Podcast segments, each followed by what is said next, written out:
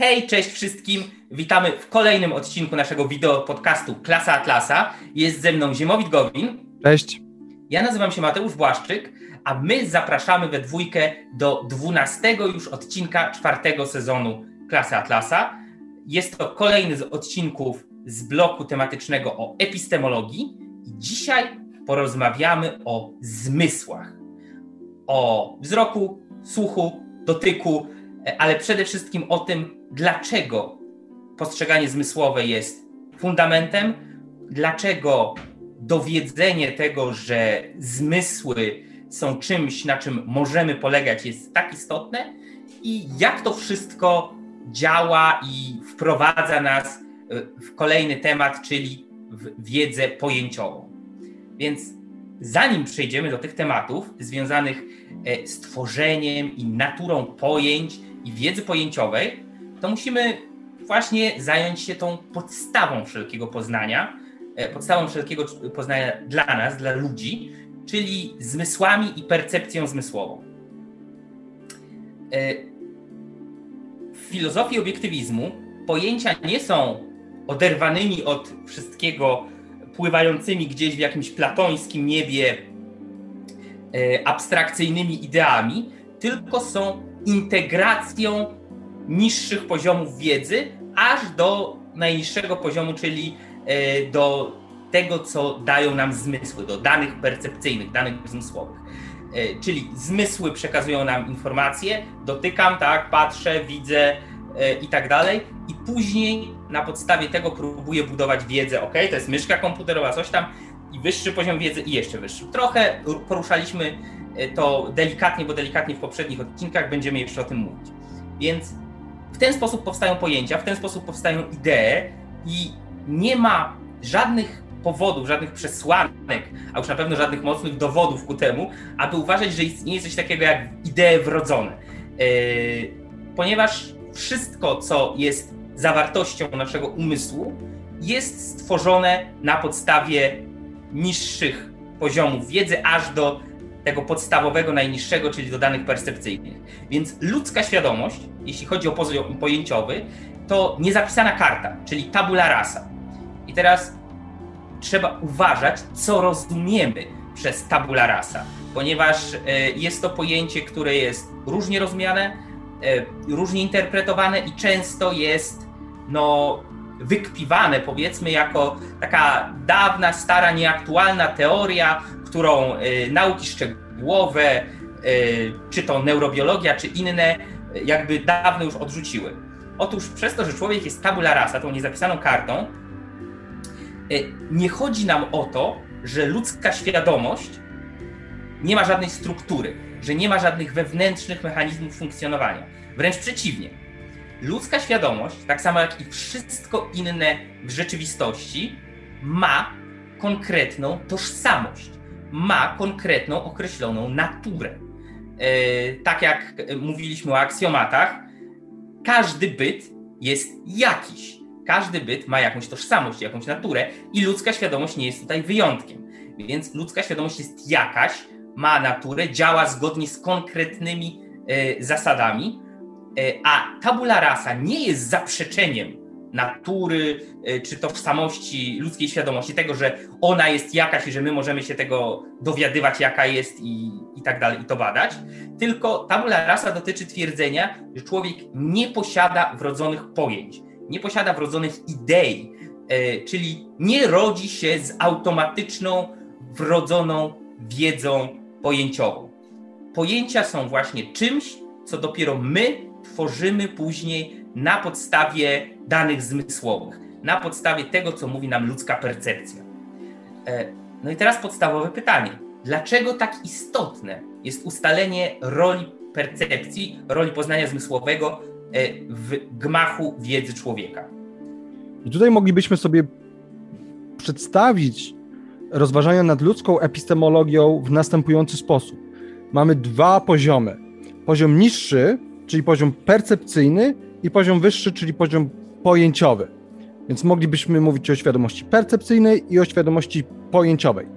I istotne jest to, że na gruncie obiektywizmu cała, cały ten, yy, całe jądro epistemologii dotyczące tego, w jaki sposób my powinniśmy tworzyć pojęcia, zasadza się na percepcji, to znaczy zasadza się na zrozumieniu tego, jaką rolę percepcja e, odgrywa.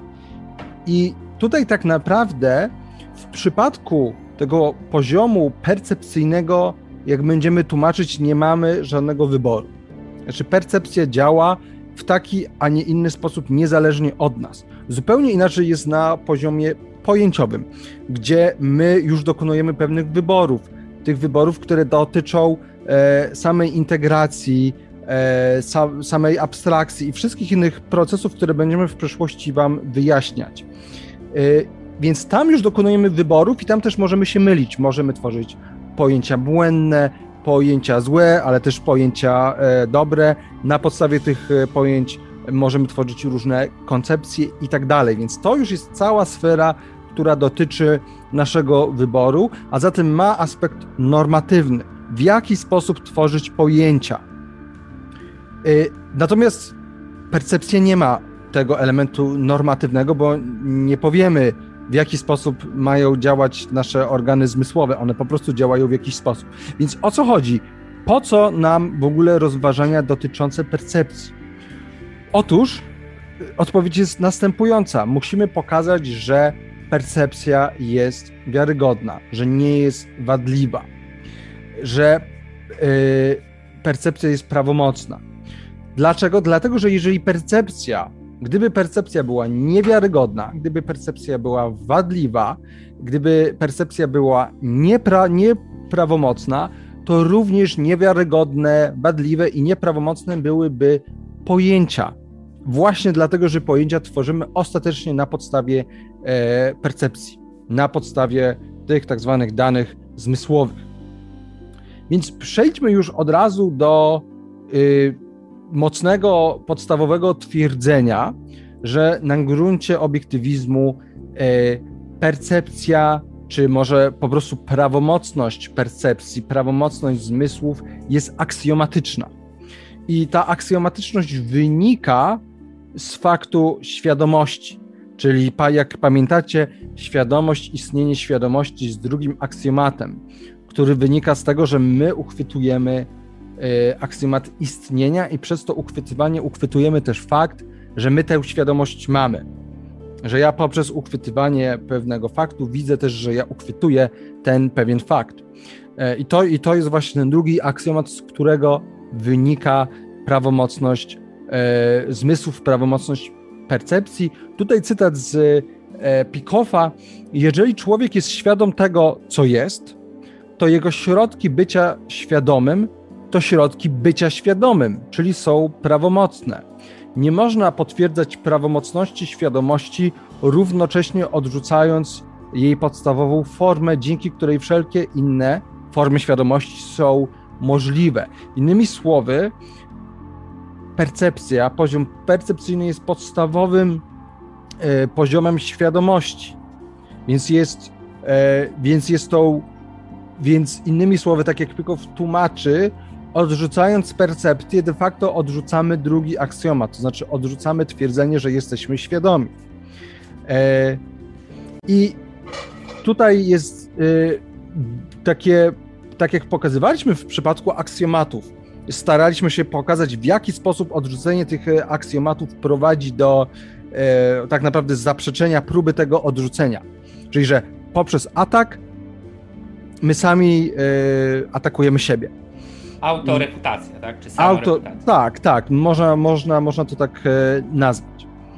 Albo potwierdzenie poprzez próbę e, odrzucenia, tak?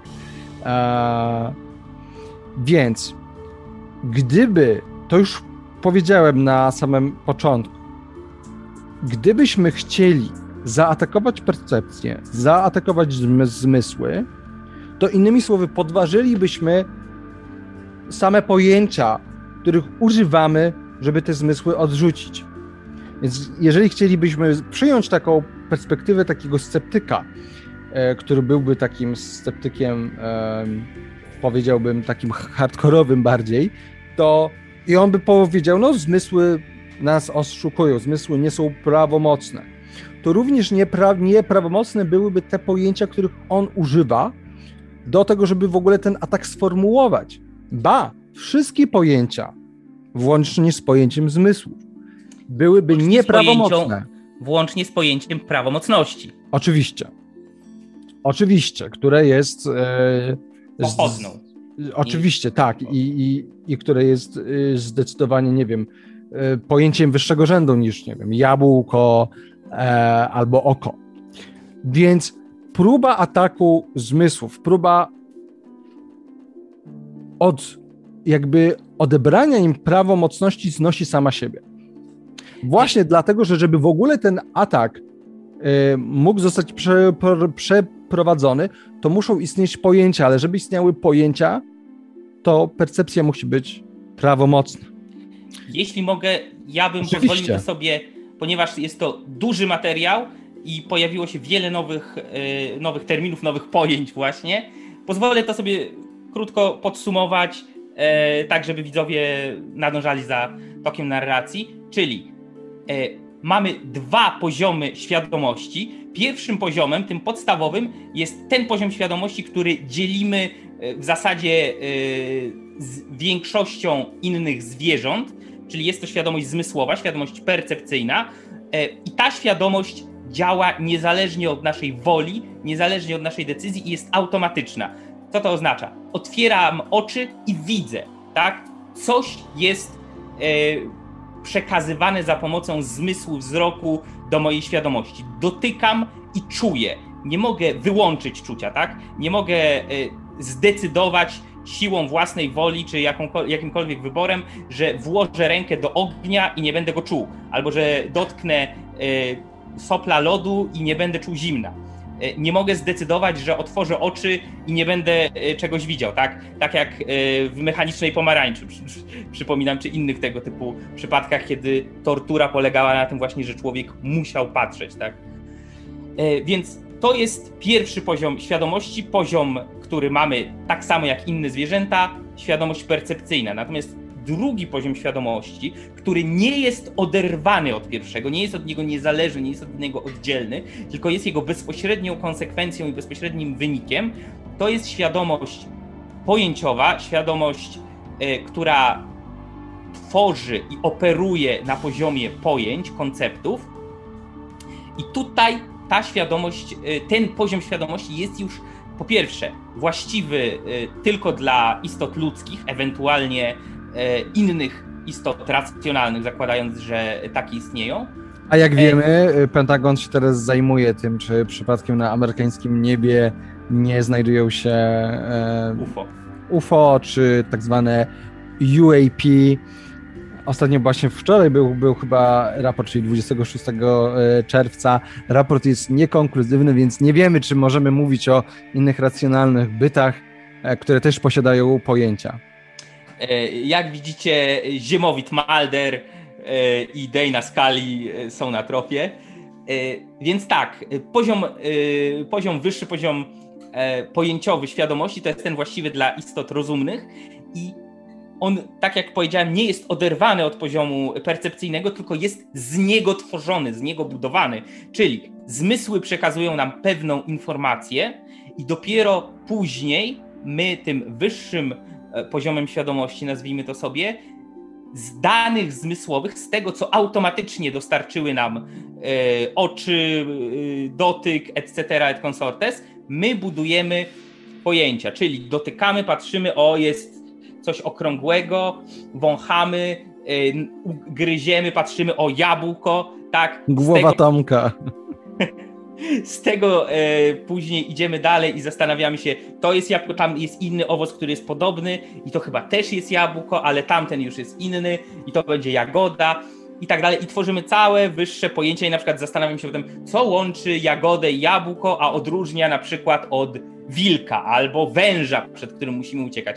No, one inaczej działają, jabłka i jagody sobie rosną, jak mają słoneczko, wodę i tak dalej, i tak dalej. To są rośliny, tamto muszą e, szukać jedzenia, polować i tak dalej, to są zwierzęta. I tworzymy coraz wyższe, e, coraz wyższe pojęcia, wyższego stopnia e, pojęcia, coraz bardziej subtelna i wyrafinowana jest ta nasza wiedza właśnie dzięki temu, że możemy z tych danych zmysłowych coś wycisnąć i stworzyć dalej pojęcie. I dane zmysłowe nie mogą się mylić o tyle, że są automatyczne. Po prostu zmysły nam mówią, coś widzę, oczy dostarczają mi takiego, a nie innego obrazu. Coś czuję, coś e, jestem w stanie powąchać, usłyszeć i tak dalej.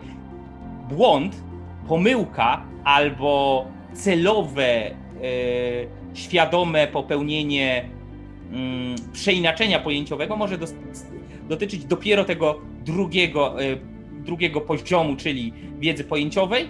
No i e, najważniejsze, ostateczne, to co powiedział Ziemowit, zmysły są fundamentem i nie ma wiedzy pojęciowej, ponieważ nie mamy idei wrodzonych, nie mamy czegoś, że rodzimy się z jakąś ogromną wiedzą na temat świata, nie nawet malutką wiedzą na temat świata, nie rodzimy się bez wiedzy na temat świata, e, więc pojęcia nie mogą istnieć, jeśli nie zbudujemy ich w oparciu o to, co dostarczą nam zmysły. Zatem, jeśli za pomocą pojęć, takich jak prawomocne zmysły są prawomocne, zmysły nie są prawomocne, e, w ogóle samego pojęcia pojęcia, tak? The concept of the concept, e, samego pojęcia zmysłów, to są już wszystko terminy pojęcia tego wyższego rzędu, więc za pomocą pojęć wyższego rzędu nie możemy atakować danych zmysłowych, ani samych zmysłów per se, ponieważ te pojęcia są zależne od tych wcześniejszych danych zmysłowych, więc e, jak to ujął Ziemowit, byłaby to e, próba zaprzeczenia czegoś e, za pomocą zaprzeczenia czemuś, co jest fundamentem, za pomocą czegoś, co na tym fundamencie siłą rzeczy musi być oparte. Tak? Czyli to tak jak ktoś by, załóżmy, że wiedza jest wznoszoną w górę wieżą, to tak jak ktoś by z najwyższego piętra wieży e, próbował atakować fundamenty. Tak? No, jest to niemożliwe, e, chyba że chce zawalić całą wieżę i zginąć razem e, pod jej gruzami. No to jest prawda, dlatego wyda, wydaje mi się, że taki jeszcze, jeszcze będziemy e, mieli odcinek o pewności, co już chyba zapowiadaliśmy, taki moim zdaniem taki konsekwentny, ekstremalny, hardkorowy sceptyk, e, to po prostu byłaby osoba, która by, mil, która by milczała, bo wszystko, co by używała, musiałoby się właśnie opierać na, e, no, na już na jakiejś zdobytej e, wiedzy, więc, więc taki sceptyk to by po prostu milczał. No dobra, więc Mateusz już dużo właściwie powiedział z tego, co chcieliśmy wyjaśnić w kwestii e, właśnie zmysłów, to znaczy co one robią, a czego nie robią, tak? Że to, co jest istotne, to to, że właśnie one nie mają wyboru, mo możliwości, e, by, nie wiem, coś stworzyć albo coś zniekształcić. One po prostu odpowiadają na pewne zewnętrzne bodźce, których nie interpretują. One nie mówią nam, czym są przedmioty, które postrzegamy, e, postrzegamy poprzez wzrok, słuch, węch, dotyk, smak i tak dalej. One po prostu mówią, że one są. I tak jak Mateusz tu już wyjaśnił, e, to, w czym możemy się mylić, w to, w czym my możemy się mylić, dotyczy tego, co postrzegamy, a nie, że postrzegamy. Czyli właśnie pomyłka już dotyczy E, aspektu tego wyższego, tego pojęciowego, no tutaj jest taki bardzo częsty przykład e, kija, który, który możemy zanurzyć w wodzie i on wydaje się złamany. No i dla Rand to nie jest tak, że to jest, że to złamanie jest jakimś błędem percepcji. Jej zdaniem to nawet świadczy o prawomocności zmysłów.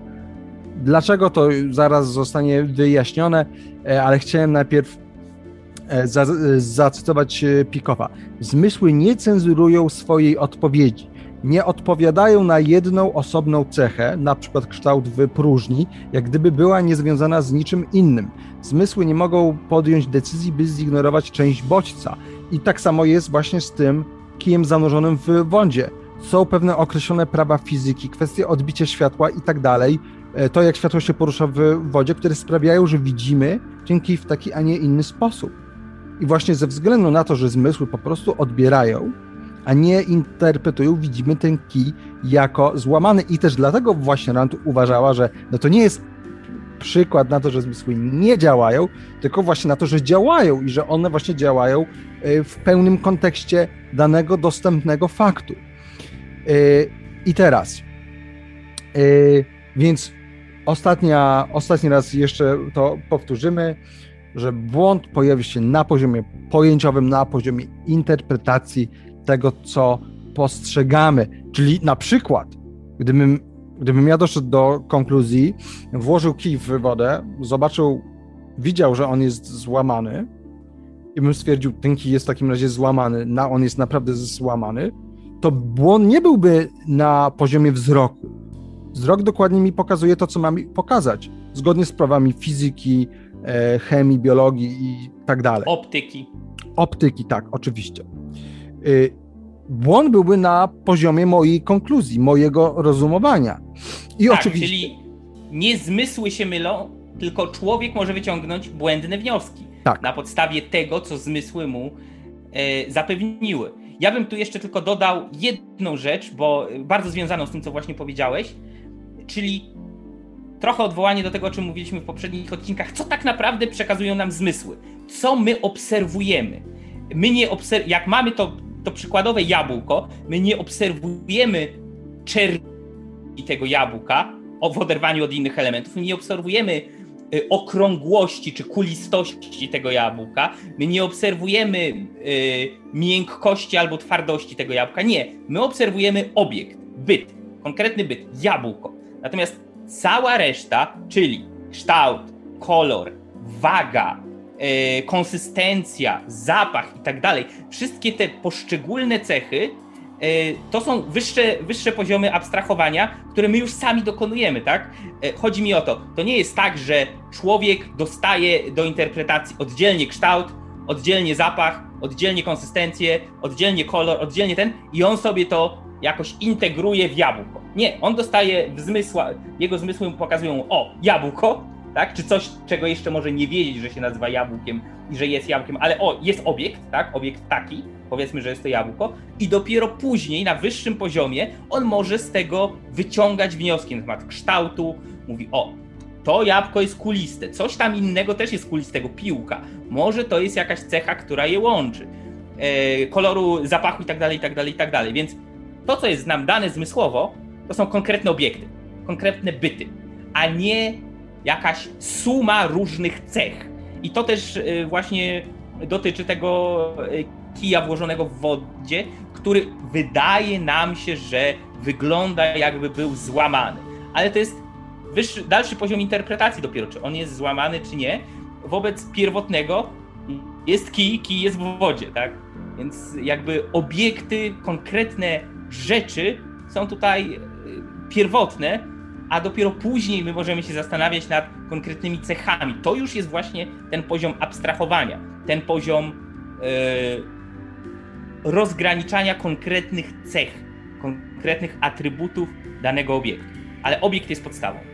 Obiekt jest e, podstawą. No to teraz w takim razie przejdźmy do kwestii tego, jak, co się składa na percepcję. No i tutaj nie będzie to zapewne jakoś szczególnie kontrowersyjne, no, że z jednej strony mamy przedmioty zewnętrzne, tak, na przykład mamy tę, e, ten plik e, żółtych kartek, a z myślę, strony... myślę, że już to byłoby kontrowersyjne dla niektórych. By ktoś ci mógł powiedzieć, właśnie jakiś sceptyk, jak to mamy przedmioty zewnętrzne? A udowodnij, że to wszystko nie jest tylko w mojej głowie. Ha? Także uważajmy z tym, bo różne rzeczy są dla różnych ludzi kontrowersyjne. Tak. Um... Ale nie, no, mówimy na poziomie e, tego, ludzi. co naprawdę się liczy, czyli ludzi ulicy, więc... tak. No więc mamy... Samo podejście do komputera i włączenie naszego podcastu e, świadczy o tym, że ktoś zakłada, że istnieje świat zewnętrzny. Zresztą wydaje mi się, że w którymś z poprzednich odcinków tłumaczyliśmy, dlaczego nie ma sensu mówienia, że wszystko istnieje w moim umyśle, bo wtedy w ogóle pojęcie umysłu nie miałoby, nie miałoby sensu. Eee, no.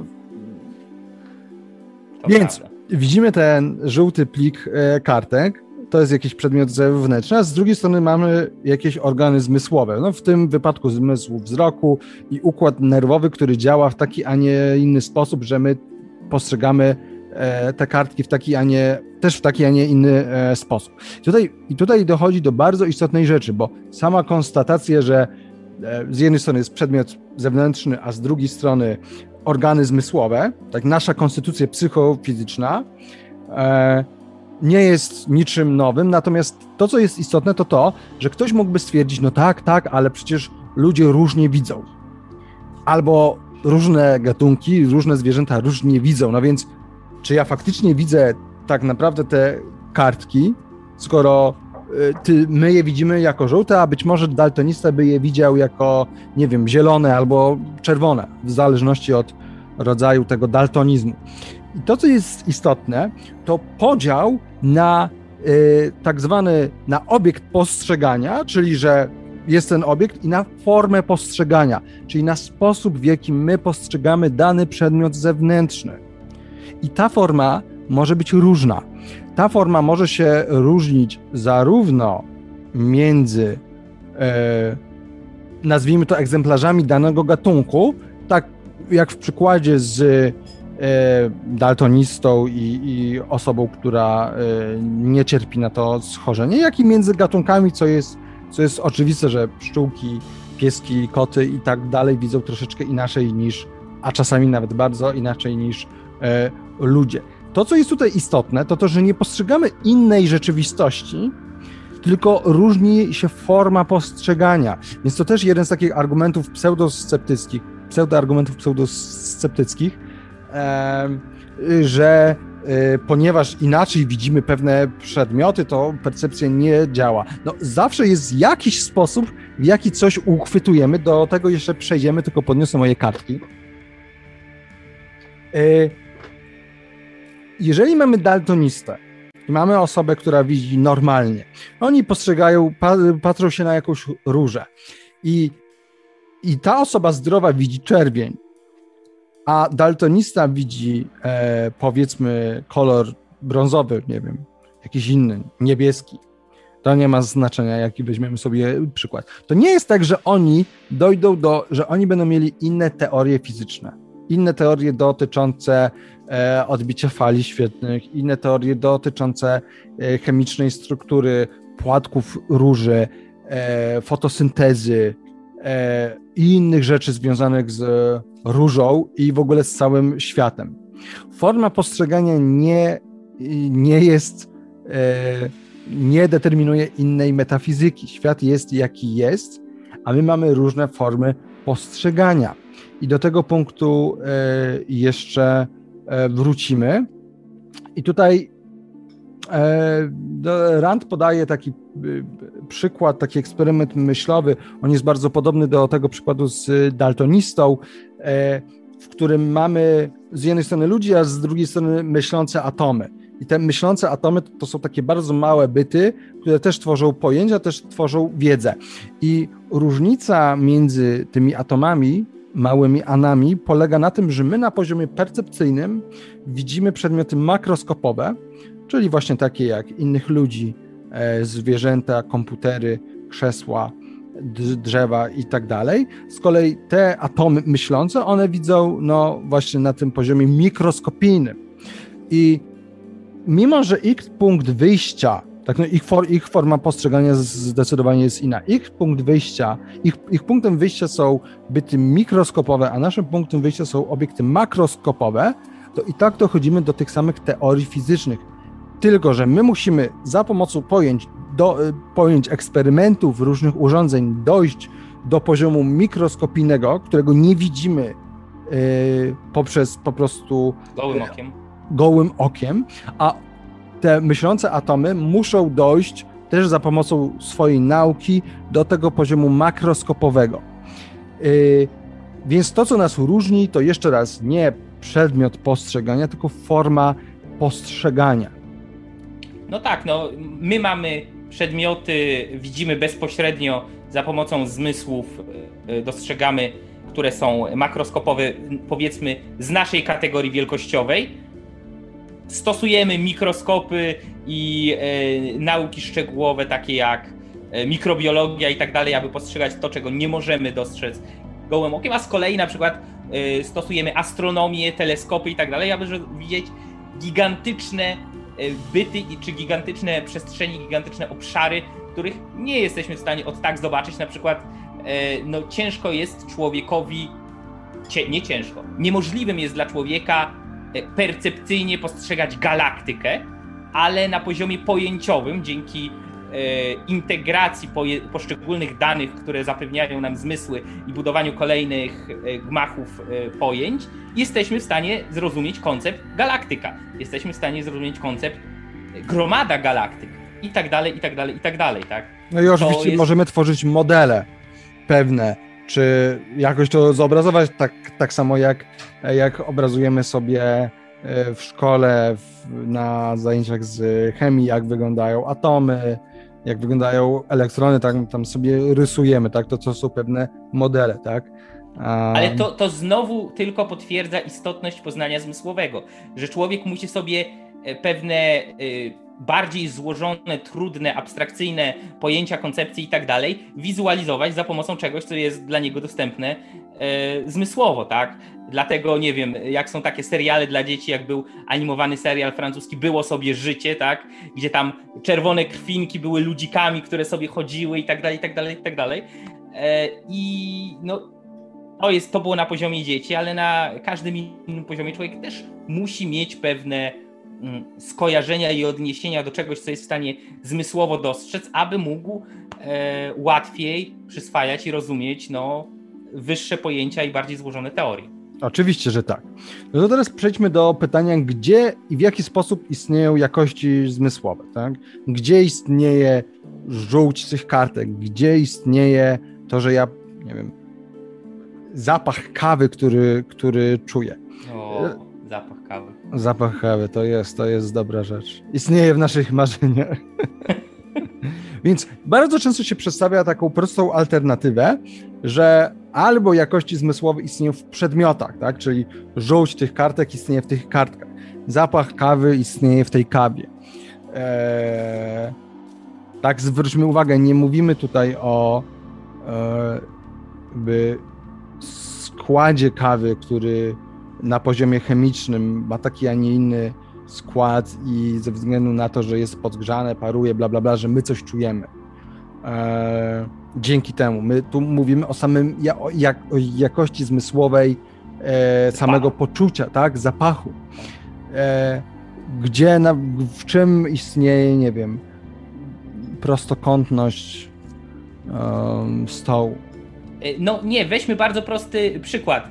E, jak mamy takie e, ćwiczenie, co robią dzieci, leją sobie jeden, jeden kubek z zimną wodą, jeden kubek z ciepłą i szybko wkładają rękę najpierw do zimnego, potem do ciepłego albo odwrotnie i patrzą, jak w zależności od tego, czy najpierw miały wodę w zimnym, a potem w ciepłym, to jak reagują na tę, tę temperaturę ich dłonie. No i wniosek jest taki, że ręka szybko przełożona z zimnego do ciepłego inaczej reaguje na to ciepłe, inaczej je przynajmniej na początku odczuwa, niż gdyby sobie od tak po prostu z powietrza włożył do tego ciepłego, tak? No bo wcześniej została schłodzona. I też niektórzy próbowaliby dowodzić, no to jest dowód na to, że zmysły nie działają. Natomiast to jest nie dowód na to, że zmysły nie działają, tylko to jest właśnie dowód na to, gdzie istnieje y, owa jakość zmysłowa odczuwania ciepła, wel odczuwania zimna. I tutaj zwracam Ci ponownie głos, bo to tylko chciałem jako pewną ilustrację y, podać. Jasne. Z, z jednej strony mamy opcję, że jakości zmysłowe istnieją w przedmiotach, czyli w tym, co my postrzegamy. Drugą alternatywą jest to, że po prostu one istnieją w umyśle. A, czyli w pierwszym wypadku mamy do czynienia z takim twierdzeniem, które de facto mówi, że jakości zmysłowe są niezależne od ludzkich środków poznawczych. No, dlaczego? Dlatego, że jeżeli ja twierdzę, że moje postrzeganie jest de facto w tym przedmiocie, to moje organy zmysłowe nie mają znaczenia. Z drugiej strony, jeżeli przyjmie, przyjęlibyśmy ten drugi człon alternatywy, czyli to, że jakości zmysłowe istnieją w umyśle, e, no to de facto mielibyśmy e, uznanie, że jakości zmysłowe są zupełnie subiektywne, że są nierzeczywiste, że nijak się mają do świata zewnętrznego. Więc tę alternatywę na gruncie obiektywizmu się odrzuca. E, I no to jeszcze weźmy dla przykładu kolor, tak? My go widzimy widzimy dany kolor jako pewien jako wynik jakiejś interakcji między przedmiotem zewnętrznym a zmysłem wzroku, tak? Żółć tych kartek. E, I teraz kolor ani nie należy do przedmiotu, ani też nie istnieje w umyśle. Tutaj jest pewna trzecia kategoria, mianowicie kategoria tego, że y, mamy do czynienia z ludzką formą postrzegania przedmiotu. Y, więc jakości zmysłowe nie są ani przedmiotem zewnętrznym, ani postrzegającym, czyli tym podmiotem, y, czy w tym podmiocie, tylko są obiektem jako postrzeżonym. Tak? Że ten obiekt jest w jakiś sposób postrzeżony. I tym są te jakości. E, I tutaj oczywiście trzeba zaznaczyć, że przyczyną ostatecznie jakości zmysłowych są przedmioty zewnętrzne, no bo świadomość nie tworzy swojej treści, tak? Ona też nie tworzy de facto zmysłowej formy, w jakiej jest świadoma tej e, treści. Natomiast istotne jest to, że dochodzi do tej interakcji i jest ten przedmiot jako postrzeżony to trochę wracamy teraz do tej idei właśnie tego, że jest pewna forma postrzegania. E, I właśnie te jakości zmysłowe wynikające z tej interakcji pomiędzy zewnętrznymi bodźcami a organami zmysłowymi e, są, e, są tą formą postrzeżenia, tak? Są tym przedmiotem jako postrzeżonym, mówiąc tak technicznie tak? Obiekt tak, jako postrzeżony. Jakby e, nie, nie, co możemy powiedzieć, że widzimy? Czy możemy zawsze powiedzieć, że e, czy, czy możemy powiedzieć, no widzimy rzecz samą w sobie, tak? Cokolwiek by to miało nie znaczyć. E, włącznie z jej intrycytnymi jakimiś wewnętrznymi jakościami i, i, i, i po prostu mamy rentgen w oczach i przezieramy przez naturę bytu. Tak?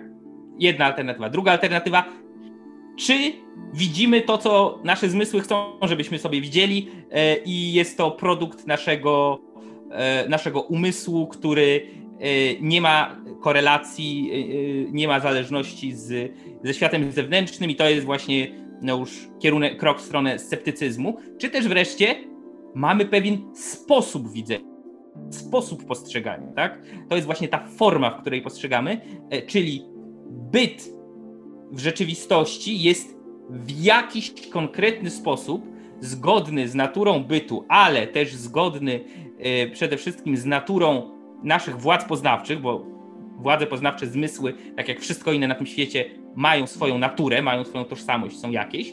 E, I to jest to, co widzimy. Nasze zmysły w taki, a nie inny sposób, ze względu na ewolucję gatunku ludzkiego, etc., et consortes, postrzegają ten byt.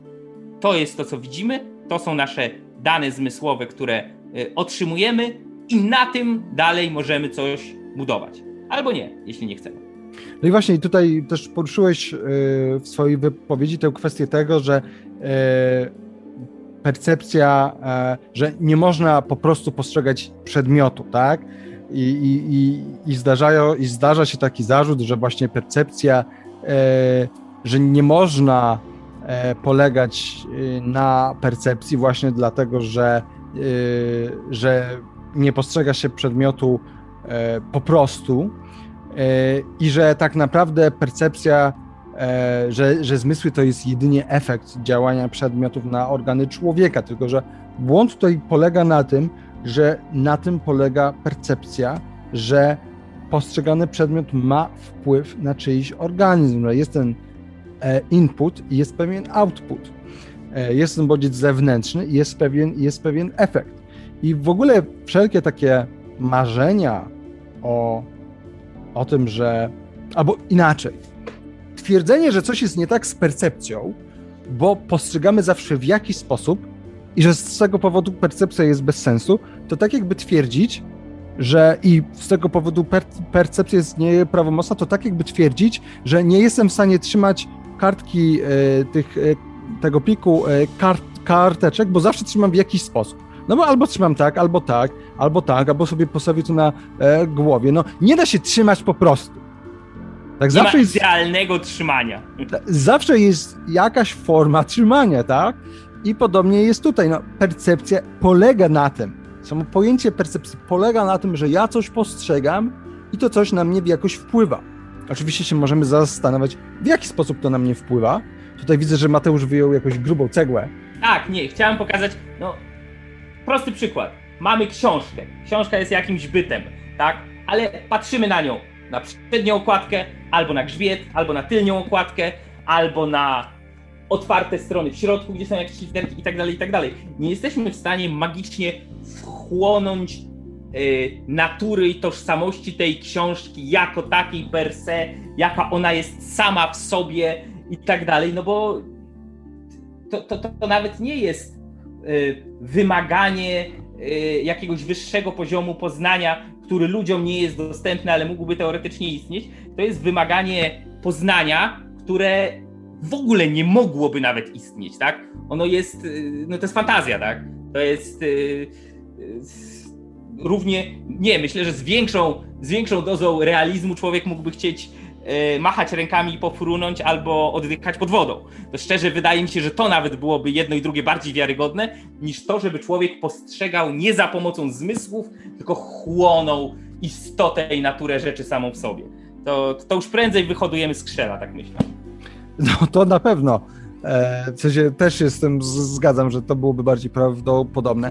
Więc istotne jest to, że e, tak już podsumowując, że na gruncie obiektywizmu mamy do czynienia Y, z koncepcją realistyczną. My postrzegamy przedmioty bezpośrednio.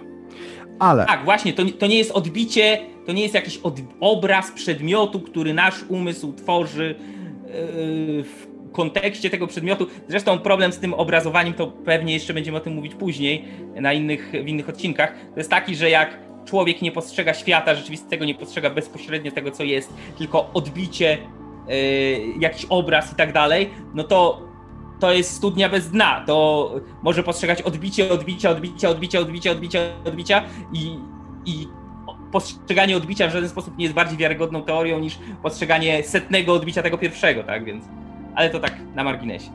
Więc ten realizm, bezpośredni realizm, y, nie, tego realizmu nie można mylić z y, tak zwanym realizmem naiwnym, który mówi nam, że my postrzegamy właśnie przedmioty e, w taki sposób, jak gdyby te jakości zmysłowe były w nich wszystkie zawarte. Czyli to jest takie myślenie, że cały świat wygląda dokładnie tak, jak mi y, przedstawiają to organy zmysłowe. To znaczy, że jakby nie istnieli ludzie, to yy, tak samo by wszystko inne, co by postrzegało, to by postrzegało kartki w ten sam sposób. Tak? Czyli innymi słowy, że do, dokładnie mój, moja forma, innymi słowy, to jest przerzucenie formy postrzegania na świat.